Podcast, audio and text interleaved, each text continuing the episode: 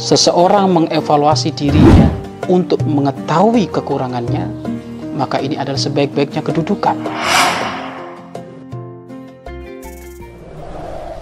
Ayo gabung program wakaf tanah dan bangunan Al-Bahjah Buyut. Hanya 200 ribu per meter. Assalamualaikum warahmatullahi wabarakatuh. Alhamdulillah. Alhamdulillahi rabbil alamin. Wa bihi nasta'inu ala umuri dunya waddin. Wa sallallahu wa sallama ala imamil mursalin. Habibi rabbil alamin. Sayyidina huwa maulana Muhammad. Sallallahu alaihi wasallam wa ala alihi wa ashabihi. Wa tabi'ina lahum bi ihsanin ila yaumiddin. Amma ba'd. Sahabat-sahabat fillah yang dimuliakan oleh Allah Subhanahu wa taala. Istiqomah itu cirinya ada tiga. Keistiqomahan di dalam aktivitas kita itu cirinya ada tiga. Yang pertama, menjaga syariat Islam.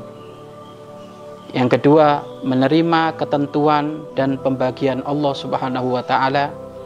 Dan yang ketiga, meninggalkan kesenangan pribadi untuk kepentingan Allah Subhanahu wa taala.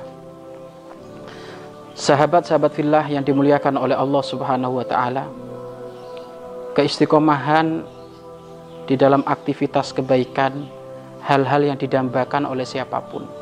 Bahkan siapa orang sudah bisa istiqomah di dalam kebaikan maka dia masuk wilayah waliullah, wilayah kekasih Allah Subhanahu wa taala. Bahkan dalam sebuah hadis Baginda Agung Nabi Muhammad Sallallahu Alaihi Wasallam bersabda, Al istiqomah khairun min alfi karomah. Istiqomah itu lebih bagus daripada seribu karomah. Karomah adalah sesuatu yang luar biasa yang keluar dari nalar pikiran manusia. Akan tapi sesuatu yang luar biasa yang keluar dari nalar pikiran manusia masih kalah jauh aktivitasnya, kehebatannya di hadapan Allah dan di hadapan Rasulullah masih kalah jauh dengan istiqomah. Istiqomah ini termasuk adalah karomah tingkat tinggi. Sesuatu yang luar biasa tingkat tinggi ya istiqomah. Karena keistiqomahan itu menunjukkan orang itu mateng. Keistiqomahan itu menunjukkan pribadi disiplin. Keistiqomahan menunjukkan pribadi pribadi mulia. Keistiqomahan itu adalah gudang dari segala sifat-sifat yang mulia tentu istiqomah di dalam kebaik kebaikan. Dan tentu kematangan seseorang ya dilihat dari keistiqomahan ini. Kematangan seseorang bisa dilihat dari keistiqomahan ini. Maka istiqomah itu cirinya ada tiga. Apa yang pertama cirinya? Istiqomah yang benar itu cirinya ada tiga. Satu, aktivitasnya sesuai syariat Islam kalau oleh syariat Islam adalah diperbolehkan, bahkan pahalanya sunnah, wajib istiqomah, berarti ini istiqomah yang benar. Tapi kalau istiqomah setelah dikembalikan kepada syariat Islam kok tidak sesuai, mohon maaf istiqomah mabuk, wah ya nggak benar ini, bukan istiqomah itu, kebablasan itu. Saya sih istiqomah, apa judi lu yang nggak benar. Ini bukan istiqomah itu, itu, itu kehancuran itu kalau kayak gitu itu. Jadi istiqomah itu cirinya, istiqomah yang benar itu cirinya tiga. Satu, sesuai syariat Islam. Sesuai syariat Islam. Bagaimana secara kacamata Islam? Wajibkah? Sunnahkah? Haramkah? Halalkah? Makruhkah?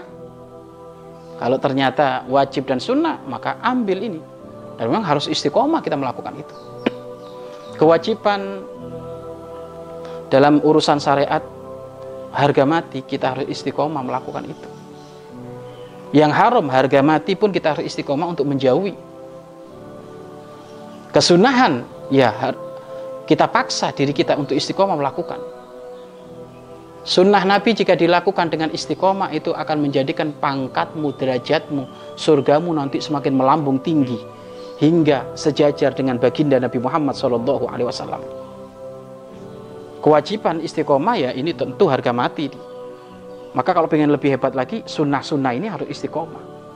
Bangun malam, membaca sholawat, hadir majelis, puasa Senin Kemis, puasa Daud, infak sedekah. Ini adalah kesunahan-kesunahan yang menjadikan dirimu naik pangkat di hadapan Allah Subhanahu wa taala. Itu ciri yang pertama, istiqomah yang benar adalah sesuai syariat Islam. Kemudian yang kedua, ciri yang kedua adalah istiqomah yang benar itu adalah menerima ketentuan dan pembagian Allah Subhanahu wa taala menerima lapang dada, sabar atas apa yang sudah ditentukan oleh Allah kepada dirinya. Ini juga tanda dirinya adalah orang istiqomah. Contoh, setelah saya melakukan setelah saya melakukan aktivitas kerja, mungkin jualan cilok, mungkin jualan bakso, mungkin penjahit, mungkin petani. Setelah saya berusaha maksimal berangkat pagi sampai sore setiap hari melakukan kayak gitu ternyata masya Allah padinya setelah tiga bulan kita harapannya dapat lima ton tak taunya dapat dua ton.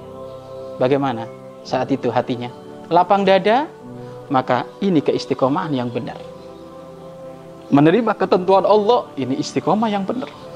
Tetapi kalau nggak lapang dada wah ini nggak benar ini udah setiap pagi berangkat jam 6 pulang jam 4 sore masih dapat hasilnya kayak gini. Wah gak bener ini. Percuma ini kalau kayak gitu. Nah ini ini menunjukkan dirinya bukan pribadi yang istiqomah kalau kayak gitu. Pribadi yang istiqomah adalah menerima ketentuan Allah. Apa yang sudah dibagikan oleh Allah menerima. Sudah berusaha hidup yang sehat istiqomah minum madu apalagi musim sekarang lagi musim corona ini.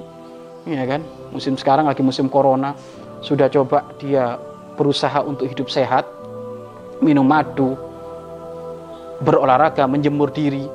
Eh, sudah berusaha kayak gitu, masih aja kena corona. ya terima saja itu ketentuan dari Allah. Tinggal bro, berobat nanti kan gitu kan. Karena setiap penyakit itu pasti ada obatnya. Yang nggak ada obatnya itu kamu nggak nerima ketentuan Allah itu yang penyakit nggak ada obatnya itu bahaya itu. Bisa merusak keimananmu itu. Ya kan? Kalau penyakit dohir semuanya ada obatnya, tapi kalau sudah penyakit batin, nggak nggak bisa nerima ketentuan Allah, maka ini bisa menjadi orang yang putus asa. Kalau sudah putus asa nanti mati sebelum waktunya sudah. Makanya menerima ketentuan Allah ini termasuk tanda dia adalah istiqomah di dalam hal yang benar. Kemudian yang ketiga, meninggalkan kesenangan pribadi untuk kepentingan Allah. Ini tanda orang yang istiqomah. Ciri dari orang yang istiqomah adalah meninggalkan kepentingan pribadi semata-mata untuk mengejar kepentingan Allah. Dan inilah sifat yang dimiliki oleh para kekasih Allah. Mereka semuanya kepentingan pribadinya ditaruh jauh-jauh nomor sekian. Tapi kepentingan Allah nomor satu. Kepentingan Allah nomor satu. Kepentingan Allah nomor, sa nomor satu. Maka ini termasuk adalah pribadi yang hebat. Pribadi yang mulia ini. Nabi Ibrahim alaihissalam mendapatkan predikat Khalilullah. Kenapa beliau mendapatkan predikat Khalilullah? Iya, karena beliau termasuk orang yang senantiasa mengutamakan kepentingan Allah. Bahkan, jangankan pribadinya, keluarganya rela dikorbankan untuk kepentingan Allah. Cerita yang menjadi tinta sejarah emas di dalam peradaban manusia. Bagaimana cerita Nabi Ismail? Bagaimana pengorbanan Nabi Ibrahim yang rela mengorbankan anaknya untuk kepentingan Allah. Maka ini menunjukkan Nabi Ibrahim kalau urusan Allah tidak main-main, nomor satu.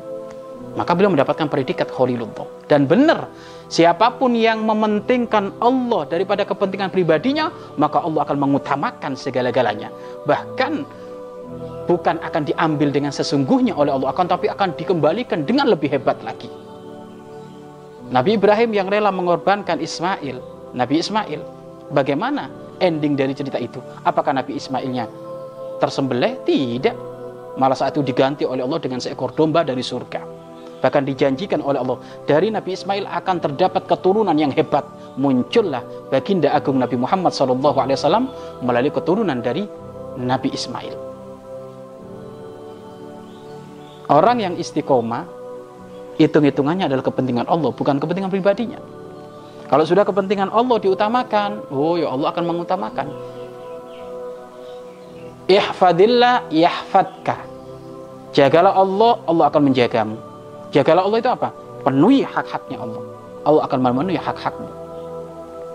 Maka ayo dalam hal apa pun kepentingan Allah dinomor satukan. Sholat kepentingan Allah, ya sebenarnya sholat kepentingan kita. Tetapi setidaknya ini kan urusan kita kepada Allah nomor satu. Apalagi sudah suara adzan dikumandangkan Allahu Akbar, Allahu Akbar. Wah ini otomatis semuanya apa pun ditinggal. Kenapa? Allah memanggil, ini urusan dengan Allah. Bubarkan semuanya, sholat dulu. Sholat gak sampai 10 menit, sholat gak sampai setengah jam Sholat sangat sebentar sekali, utamakan Allah. Maka nanti Allah akan mengutamakanmu. Ada Al-Quran firman Allah, utamakan. Ada zikir kepada Allah, utamakan. Kapan kita mengutamakan seperti itu, maka Allah akan mengutamakan kita.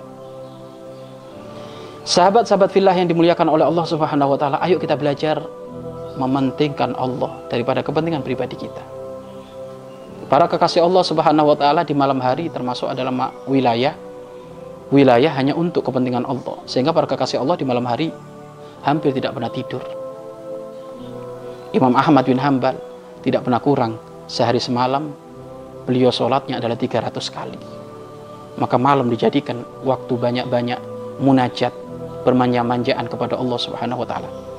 Imam Abu Hanifah radhiyallahu anhu termasuk adalah imam yang hampir sholat subuh dengan wudhu isya ini menunjukkan apa? Beliau nggak pernah tidur. Dipakai untuk banyak-banyak ibadah kepada Allah Subhanahu wa taala. Imam Syafi'i sama, Imam Malik rahimahullah taala. Artinya apa? Para kekasih Allah itu di dalam urusan dengan Allah itu nomor satu. Maka beliau masuk wilayah, wilayah orang-orang yang hebat. Bagaimana Imam Ahmad bin Hambal dikagumi, disegani, madhabnya diambil. Imam Syafi'i bagaimana? Madhabnya diambil, dikagumi, disegani. Di dunia begitu harum namanya sebergak, semerbak bunga melati. Bagaimana nanti di akhirat? Inilah orang-orang hebat. Imam Malik, Imam Abu Hanifah. Ini orang-orang hebat saja. Yang seperti itu. Lah, mereka hebat itu bagaimana? Mereka hebat karena mereka adalah orang yang mementingkan urusan Allah Subhanahu wa taala. Ayo mulai sekarang kita istiqomah dengan ciri yang benar ini dengan tiga cara. Wallahu a'lam bishawab. Mari berinfak untuk operasional lembaga pengembangan dakwah Bahjah Buyut.